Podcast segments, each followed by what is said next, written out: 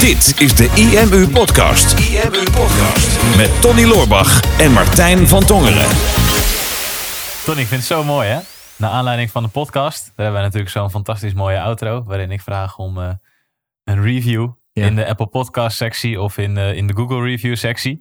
En er komen soms echt zulke mooie berichtjes binnen. Mhm. En uh, ik weet dat een paar podcasts geleden zei jij van ja, superleuk. Bij die podcast krijgen we gewoon automatisch krijgen we reviews binnen. Ja. Zonder dat we daarom vragen. Ik zei ja, maar Tony, daar vragen we wel om. Ja, jij was- vraagt daarom. Ja. Ik vraag daarom inderdaad. Dat was een tip in een van de voorgaande podcasts. Van hey, als je graag een review wil krijgen ehm, of een testimonial, is het belangrijk dat je daarom vraagt. Want mensen willen het je wel geven, maar vergeten het soms uit, of vergeten het vaak uit zichzelf te doen. Dus als je zelf vraagt aan iemand van hey, als je dit nou waardevol vond, als je dit tof vond, zou je willen laten weten wat je daarvan vond. Plaats het eventjes in de Apple Podcast app, plaats het in de Google Review app. Dus als je nu luistert en je hebt het nog niet gedaan, maar je kent ons wel al, Mhm. Doe het dan nog eventjes. Ken je ons nog niet? Plaats dan nog niks. Luister dan deze podcast af. En beslis aan het eind van de podcast of je een review wil achterlaten. Ja, tenzij je natuurlijk deze intro van Martijn al super waardevol vond. En je denkt van nou, daar ga ik nu sowieso een 5 sterren review voor geven. Ik vond dit zelf nog niet waardevol genoeg. Dit was Nou meer ja, het kan wel zijn dat je nu al zit te luisteren en dat je denkt van nou, ik heb eigenlijk ook een business en ik krijg inderdaad ook niet zo vaak reviews. Misschien moet ik daar een keer om gaan vragen.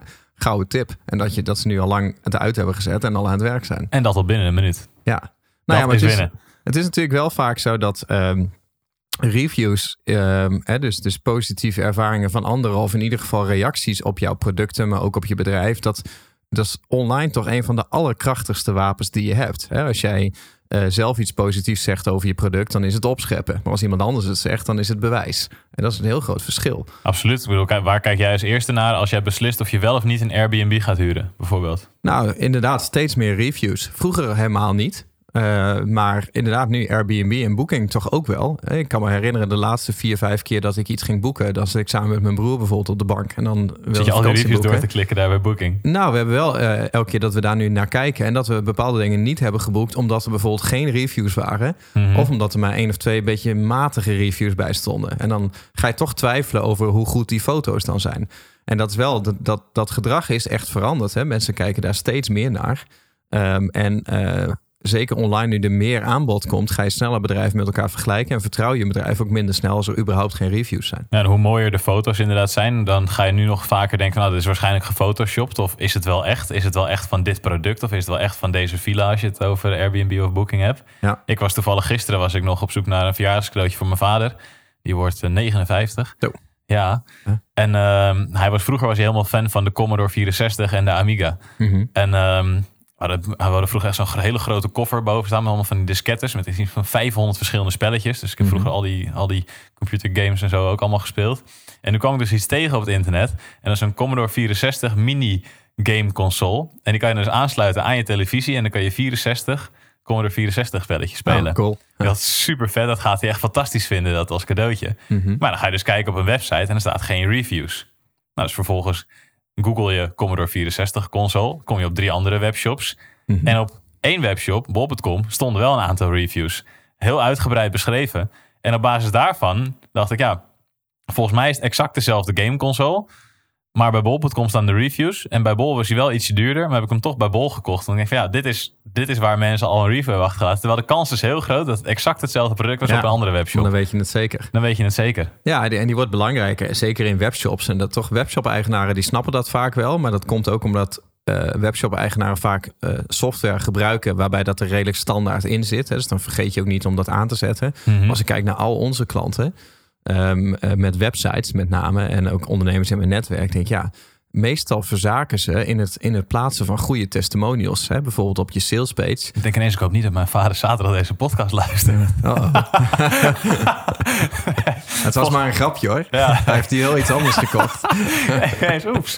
Hij is pas twee, twee dagen daarna jarig. Nee, volgens mij luistert hij het niet. Nee, hij is nog lang niet jarig. Maar ehm, dan zou ik zeggen maar, hè, dat, dat je heel vaak testimonials mist. Hè? Als wij website reviews doen van onze klanten, sales pages bekijken bijvoorbeeld van hun producten, staat vaak hele mooie informatie op over het product en over het bedrijf en over de persoon zelf, maar heel zelden testimonials. Ja, klopt. Ehm, en, en wij krijgen daar ook vaak vragen over sowieso van hè, hoe kom je dan aan die testimonials? Eh, maar ook van ja, waar moet je ze nou verzamelen? Want een tijdje geleden, een paar jaar geleden, was het heel nuttig om dat bijvoorbeeld op je Facebook fanpage te verzamelen. Ja, Want heel veel mensen zagen jouw bedrijf meteen op Facebook. gingen daar naar de review sectie en dan konden ze lezen over jouw bedrijf. En dat was meer betrouwbaar dan testimonials die gewoon in tekstvorm op jouw website staan. Hè? Want uh, een objectieve bezoeker kan zelf ook wel zien van ja, die op je website, die heb je er zelf neergezet. Mhm. En die heb je misschien wel herschreven of die heb je misschien wel bedacht. Maar die op Facebook, die kun je daar niet zelf geplaatst hebben. Dus dat moet de auteur helemaal in zijn eigen woorden zelf hebben gedaan. Alleen nou Facebook gewoon uh, afneemt, merk je dat het minder nuttig wordt om daar al die testimonials te verzamelen. Um, dus wat wij steeds meer zijn gaan doen, bijvoorbeeld, is op, op Google verzamelen. Want als nou iemand twijfelt over onze producten, wij weten dat er een heleboel mensen zijn die gewoon googlen op IMU ervaringen bijvoorbeeld. Hè? Dat is zelfs een Google suggest. Ja. Of gewoon op IMU. En uh, als je nu IMU googelt, ja, dan zie je dus al die reviews van, van Google. Die zie je meteen al in de Google zoekresultaten staan. En dat is natuurlijk veel waardevoller dan uh, dat ze pas op je website staan. Klopt. Maar zo komen er steeds meer verschillende plekken waar je ze wil verzamelen. Want we hebben ook de Trustpilots en de feedback companies van deze wereld nog. Ja. Waar je ook je reviews kan verzamelen. En in je eigen mailbox natuurlijk ook nog eens. Ja, want dat is, dat is misschien wel een van de lastigste manieren. Ik bedoel, wij krijgen zo vaak superleuke reacties in onze mailbox. En dan sturen we wel eens terug van... hey, vind je het leuk, vind je het oké als we dit gebruiken op onze website? Mhm. En jouw reactie? En dan vinden mensen dat vaak helemaal prima. Of als wij een videotestimonial afnemen met, met mensen... dat we vragen, hey, wat vond je ervan?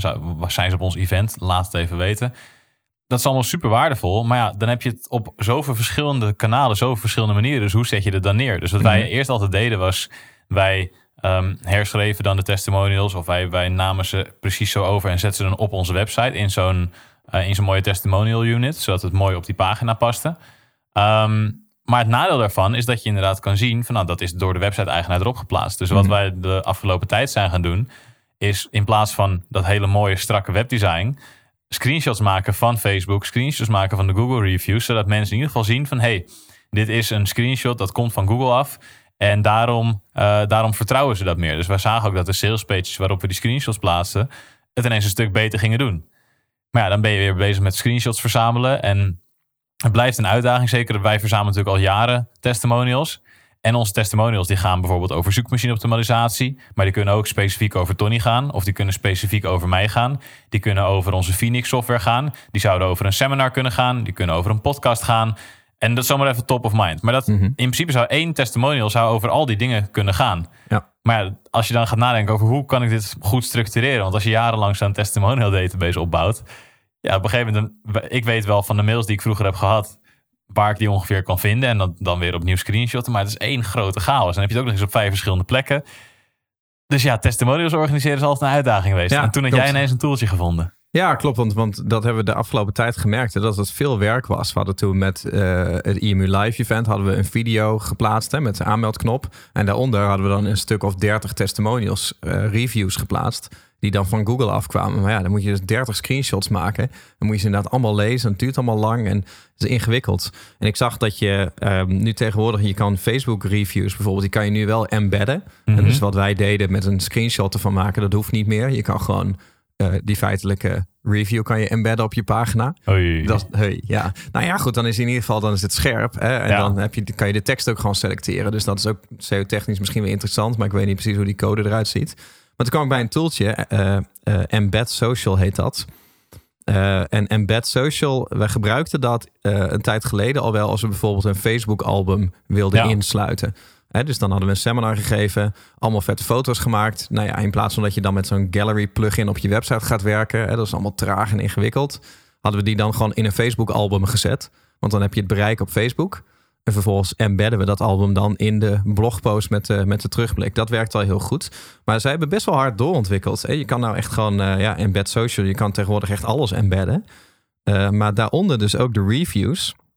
En wat interessant is, is dat je dus kan koppelen met eh, zowel je fanpage als jouw eh, Google bedrijfspagina. Dus je Google bedrijfsplacement. ehm, en je eigen databases. Dus eh, wat wij hebben gedaan is accountje gemaakt. Nou, dan hebben we, we hebben iets van eh 160 of 170 reviews op Google. Mhm. Dus varieert van 1 sterren reviews tot 5 sterren reviews met zonder tekst. Ehm, dus die kunnen we dan binnenhalen in Embed Social. Ehm, die kunnen we vervolgens modereren. We kunnen ze op andere volgordes zetten. We kunnen er een collectie van maken. Dus bijvoorbeeld zeggen van nou, ik wil alle reviews waar het woord SEO in voorkomt. En die zetten wij dan bijvoorbeeld op de pagina van onze SEO-cursus. Ja. Of we willen eh, alle reviews waar ehm, het woord IMU Live of het woord AVAS of Scheveningen in voorkomt. Want dan kunnen we die plaatsen op een pagina met een terugblik op AVAS Live. Van nou, hè, dit is er allemaal aan reviews over gegeven. Je kan ze zelfs gaan taggen, dat we zelf bij elke review gaan bepalen van hey, deze gaat over de SEO-cursus of deze gaat over Martijn, deze gaat over Tony, deze gaat over IMU, deze gaat over de klantenservice. Dus zo kan je ze organiseren, maar je haalt ze dus gewoon van Google en je embed ze op je, op je pagina. En uh, dan wordt het mooier, want je kan naast je Google reviews ook je Facebook reviews gaan toevoegen. Dus dan heb je ineens de optelsom van alle ervaringen, reviews die je ooit hebt gehad. En om het dan nog mooier te maken, kan je zelfs een CSV'tje uploaden Mhm. met je eigen reviews. Dus als iemand jou een mailtje heeft gestuurd met eh, beste Martijn, eh, ik zit net de SEO-cursus van jou te volgen en ik vind het echt eh, geniaal, dan kan jij die voornaam, achternaam en die content kan je gewoon in een Excel-bestandje zetten in drie kolommen. In de vierde kolom zelfs een URL van de foto van die persoon erbij. Die kan je gewoon uploaden in je site of waar je maar wil. Nice. En dan upload jij dat in die embed social en dan wordt dat weer toegevoegd aan je totaal. Dus dat betekent dat je één plek hebt voor al je reviews ehm, en gesorteerd. En dat je dus allemaal verschillende lijstjes kan maken. En die op je website embed. Ja, ja geniaal. Ik kan hier nice. uren over doorgaan. Ja. Maar En ik zat jou al te spammen op WhatsApp over hoe enthousiast ik hierover was. Ja, zaterdagochtend. Ja. Er is bam, bam, bam, screenshot en screenshot. Maar dat is ook wel heel vet. En dit is een plugin die werkt in, in Phoenix. En het werkt ook in WordPress volgens mij, toch? Ja, dus gewoon los de tool. Embed Social. Het is wel betaald, maar kost, kost niet zo heel veel. En dan eh, wat je doet is eh, in eh, de, die tool beheer je gewoon je reviews. Dus dan Mhm. maak je een lijst aan. Je bepaalt de vormgeving. Je bepaalt precies hoe je het eruit wil hebben zien. En dan krijg je van Embed Social gewoon een code. En die kan je gewoon op je pagina plakken in je HTML. Of dus via een WordPress plugin. Maar kan ook inderdaad in Phoenix. Ehm, en wat het voordeel is, is dat ze je de code geven voor de reviews zelf. Maar ze geven je ook een stukje rich markup. Eh, en die rich markup die kan je ook aan de code van je pagina toevoegen. Waarmee je tegen Google zegt van nou op deze pagina. eh, dit gaat bijvoorbeeld over een eh, cursus. Mhm. En ehm, die cursus heeft in totaal eh, 144 beoordelingen. De maximale beoordeling is 5. Wij scoren gemiddeld 4,7. En we hebben, eh, hè, nou ja, zoveel beoordelingen gehad. En het voordeel wat je dan hebt, is ehm, dat je de kans hebt dat Google die beoordelingen ook toe gaat voegen aan je Google-resultaten. Ah, en dan krijg je van die sterretje, ster, sterretjes. Krijg je Sterretjes, van die ja. sterretjes te zien bij, eh, bij je zoekresultaten. Dus Zo'n eh, zo'n rich snippet. Ja, want dat zie je steeds meer. Hè? Dus als jij bijvoorbeeld op een cursus of een boek of zo zoekt, dan zie je vaak die, die sterretjes erin staan bij Bol of bij Management Boek of, Mhm. of andere bedrijven. En ehm, dat is dus gewoon een stukje code wat je toevoegt. Alleen ehm, waar je voor uit moet kijken is dat voorheen waren de richtlijnen daarvoor veel minder streng. Hè? Dus jij kon gewoon in je code zetten van deze eh, pagina heeft eh, eh, 300 reviews en eh, wij scoren gemiddeld een 5 uit 5. En eh, de laagste score was, eh, was 0. Nou, dan kreeg je gewoon 5 sterren bij in Google. Mhm. Maar dat is Google heel hard hard aan het aanpakken. Is in principe ook niet des Googles om dat toe te laten. Nee, precies. Ik heb het altijd zo raar gevonden. Want ik zag soms wel eens websites voorbij komen inderdaad. Want dan is het dan de beoordeling van de volledige, van het volledige bedrijf. Of van die volledige website. Maar dan slaat het helemaal niet op die product of op, die, eh, op dat specifieke aanbod. Ja. Maar dan geeft Google wel de sterren. Terwijl eigenlijk is het inderdaad... zou je verwachten dat ze daar een, een soort van Google Slap voor zouden uitdelen... als je ze om de tuin probeert te leiden. Ja, klopt. Wat ze nu meer zijn gaan doen, is dat ze, dat ze die code negeren. Oh ja. Dus ehm, eh, ze zijn ietsje strenger geworden. Ze zeggen sowieso van je wil aangeven waar het om gaat. Dus je kan specifiek in je code aangeven: eh, dit is een pagina die gaat over een boek. Eh, en dan moet het ook wel echt over een boek gaan. Mhm. Of een cursus of eh, een evenement. En een evenement is dan bijvoorbeeld weer andere markup. Hè? Dus dan geef je aan van dit is de locatie en dit is de data en dit is de pagina waar je tickets koopt bijvoorbeeld. Want Google wil dan dat als jij bijvoorbeeld zoekt op een online marketing seminar, dat zij in de zoekresultaten al een soort van agenda kunnen tonen. Ja. hè, in plaats van alleen maar zoekresultaten. En bij, als mensen naar boeken zoeken, dan willen zij weten van welke pagina's online bevatten daadwerkelijk een boek. Eh, dus dat, de- die rich markup is heel interessant, omdat je letterlijk per pagina op je website eigenlijk aan kan geven van wat is de organisatie en waar gaat het hier over en hoe goed is het beoordeeld. Ehm, en ze hebben bijvoorbeeld gezegd van nou, zoals homepages geven we geen sterren meer. Dus je mag niet meer een totaal aantal reviews voor je homepage geven voor je bedrijf. Het gaat nu echt per productpagina. Ah ja. Dus, dus ja, dat, het zal moeilijker worden om die sterren te krijgen. En het kan zijn ook dat als je ze al hebt, dat je ze gaat verliezen. Ehm, want een van de belangrijkste eisen die Google stelt is dat de reviews die jij pretendeert te hebben, dat die ook daadwerkelijk op die pagina staan. Op zich heel logisch. Ja. Ja. Dus als iemand zoekt op SEO-cursus en er staat in de zoekresultaten bij ons vijf sterretjes, zeggen we we hebben 100 reviews en we scoren gemiddeld eh, vijf sterren, dan, en iemand klikt daarop, dan is het dus ook de bedoeling dat er op die pagina daadwerkelijk die 100 reviews die wij beloofd hebben te vinden zijn. Nou, snap ik wel. Ik heb dat wel eens gehad bij de website van De Spreker. Mhm. Dan zag ik een resultaat eh, van hun voorbij komen en klikte ik erop en dan stond er... eh, ik weet niet meer wie dat was, maar gewoon een, een spreker. En ik kende die naam niet, maar er stond iets van 500 beoordelingen en een heel hoog cijfer. Dus Mhm. ik klikte erop en ik denk van nou, dan wil ik wel eens weten wie dat is of wat voor beoordelingen er zijn. En ik kon inderdaad nergens die reviews vinden. En dan voel je als bezoeker voel je ook een beetje bedrogen. Ja, klopt. Dus het is knap heel goed dat ze dat hebben aangepast. Ja, het is voor Google natuurlijk ook niet logisch. Hè? Want op een gegeven moment krijg je alleen nog maar pagina's met allemaal vijf sterren. Ja. Omdat ieder bedrijf wat net als ons bijvoorbeeld 160 reviews heeft verzameld... eh, op elke pagina van zijn website gaat vermelden dat ze 160 reviews hebben. Ja, tuurlijk. Dus ja, dan zijn al onze producten zijn ineens door 160 mensen beoordeeld. Dat klopt niet. slaat helemaal nergens op. Dus, dus dat, dat, Google heeft dat afgelopen week nog aangekondigd... dat ze een update doorvoeren op dit gebied. Dus, hè, dus dat, dat wordt weer strenger. Mhm. Uh, maar dat vond ik het gave ding bij Embed Social. Dat is dan een voordeel wat je hebt. Dus dat je die reviews daadwerkelijk op je pagina kan plaatsen. Uh, dus dat je bijvoorbeeld zegt van nou, hè, ik heb 160 reviews, maar ik plaats hem zo op mijn pagina dat je er maar zes ziet. En dat je gewoon een kleine pagination eronder hebt, dat je door kan klikken. Ja. Hè, of dat er, als je erop klikt, dat een mooi pop-upje naar voren komt en dat je daar al de reviews kan gaan zitten lezen. En het ziet er zoveel strakker uit dan zeg maar van die screenshots met verschillende groottes. Um, en um, het is dus veel makkelijker te managen. Ja, ja dat, dat is vooral heel prettig. Als je, als je dit begint te doen, is het nog bij te houden. Maar als je al, al negen jaar ermee bezig bent zoals wij het zijn... Ja. dan heb je echt zo'n stortbak aan testimonials. En zo moeilijk bij te houden. Mhm. Een belangrijk onderdeel nog wel van testimonials vind ik de inhoud van de testimonials. Dus de, je kan zelf kiezen dus wat voor testimonials je weergeeft, begrijp ik. Ja. Toch? En wat ik vaak zie is als we dan die feedback geven, wat je net zei aan mensen met een website... van nou, je moet meer testimonials plaatsen... Dan komen er vaak hele oppervlakkige testimonials op zo'n pagina te staan. Dus dan is het, ja, uh, ik heb gevraagd aan iemand wat ze ervan vonden en ze vonden mijn cursus heel tof. Ja. Dus dan staat er op de uh, salespage over een cursus over weet ik veel wat, uh, bloembollenplanten. Mhm. Um, staat er, ja, uh, Annie vond dit een hele fijne cursus. Of Annie heeft gezegd, deze cursus heeft me heel goed geholpen. Ja. En dat is al beter dan dat je helemaal niks erop had staan. Maar het zegt nog steeds heel weinig. Terwijl als Annie had gezegd, ja, eerst snapte ik helemaal niks van het planten van bloembollen. Maar nu heb ik deze cursus gevolgd en voelt het echt alsof ik groene vingers heb. Ja. Weet je, en, en dat is veel concreter dan, dan alleen, ja, deze cursus was fantastisch. En dat zie je natuurlijk bij webshops en bij webshop reviews. Is dat het vaak heel concreet over het product gaat. Um, omdat ja, er wordt echt een product beoordeeld. Maar als het een cursus of een dienst van een persoon is of van een bedrijf is, dan zie je vaak dat de bedrijfseigenaar snel geneigd is om gewoon de algemenere reviews neer te zetten. Terwijl juist die specifiekere reviews, die zijn veel krachtiger op zo'n pagina. Dus als je specifieke reviews hebt, dan zou ik ook echt aanraden om die daar te plaatsen. En om Ja. ook om specifieke reviews te vragen. Dus niet Ja. alleen dat je zegt, wow, die IMU-podcast van Tony Martijn is echt geweldig. Maar Nee. wat is bijvoorbeeld een inzicht wat je eruit hebt gehaald en dat je dat dan vervolgens in de Google Review sectie zet. Klopt, want dat onze podcast geweldig is, dat weet iedereen inmiddels wel. Daar kan je echt niet meer omheen. nee, maar inder- inderdaad dat. Dus, dus stuur daar ook op aan. En, en dat is de volgende stap. Hè? Dat ehm, nu er meer mensen reviews gaan plaatsen, merk je ook dat mensen ook weer sceptischer worden. Ja, Eh, kijk bijvoorbeeld naar TripAdvisor. Hè. Eh, jaren geleden was TripAdvisor, stonden dan alleen de pareltjes op. Hè. Als je ergens een goed restaurant zocht eh, en je was in een bepaalde stad, nou dan waren er tien op TripAdvisor die goed be- aanbevolen werden. Tegenwoordig staat letterlijk elk restaurant op aarde staat op TripAdvisor. En ze hebben allemaal maximaal goede beoordelingen. Klopt. Een klein beetje genuanceerd.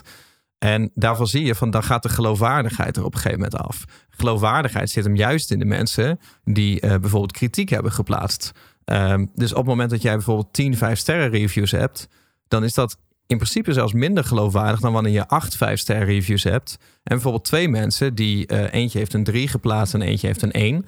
En die een 1 heeft geplaatst, heeft er bijvoorbeeld een klacht bij gezet.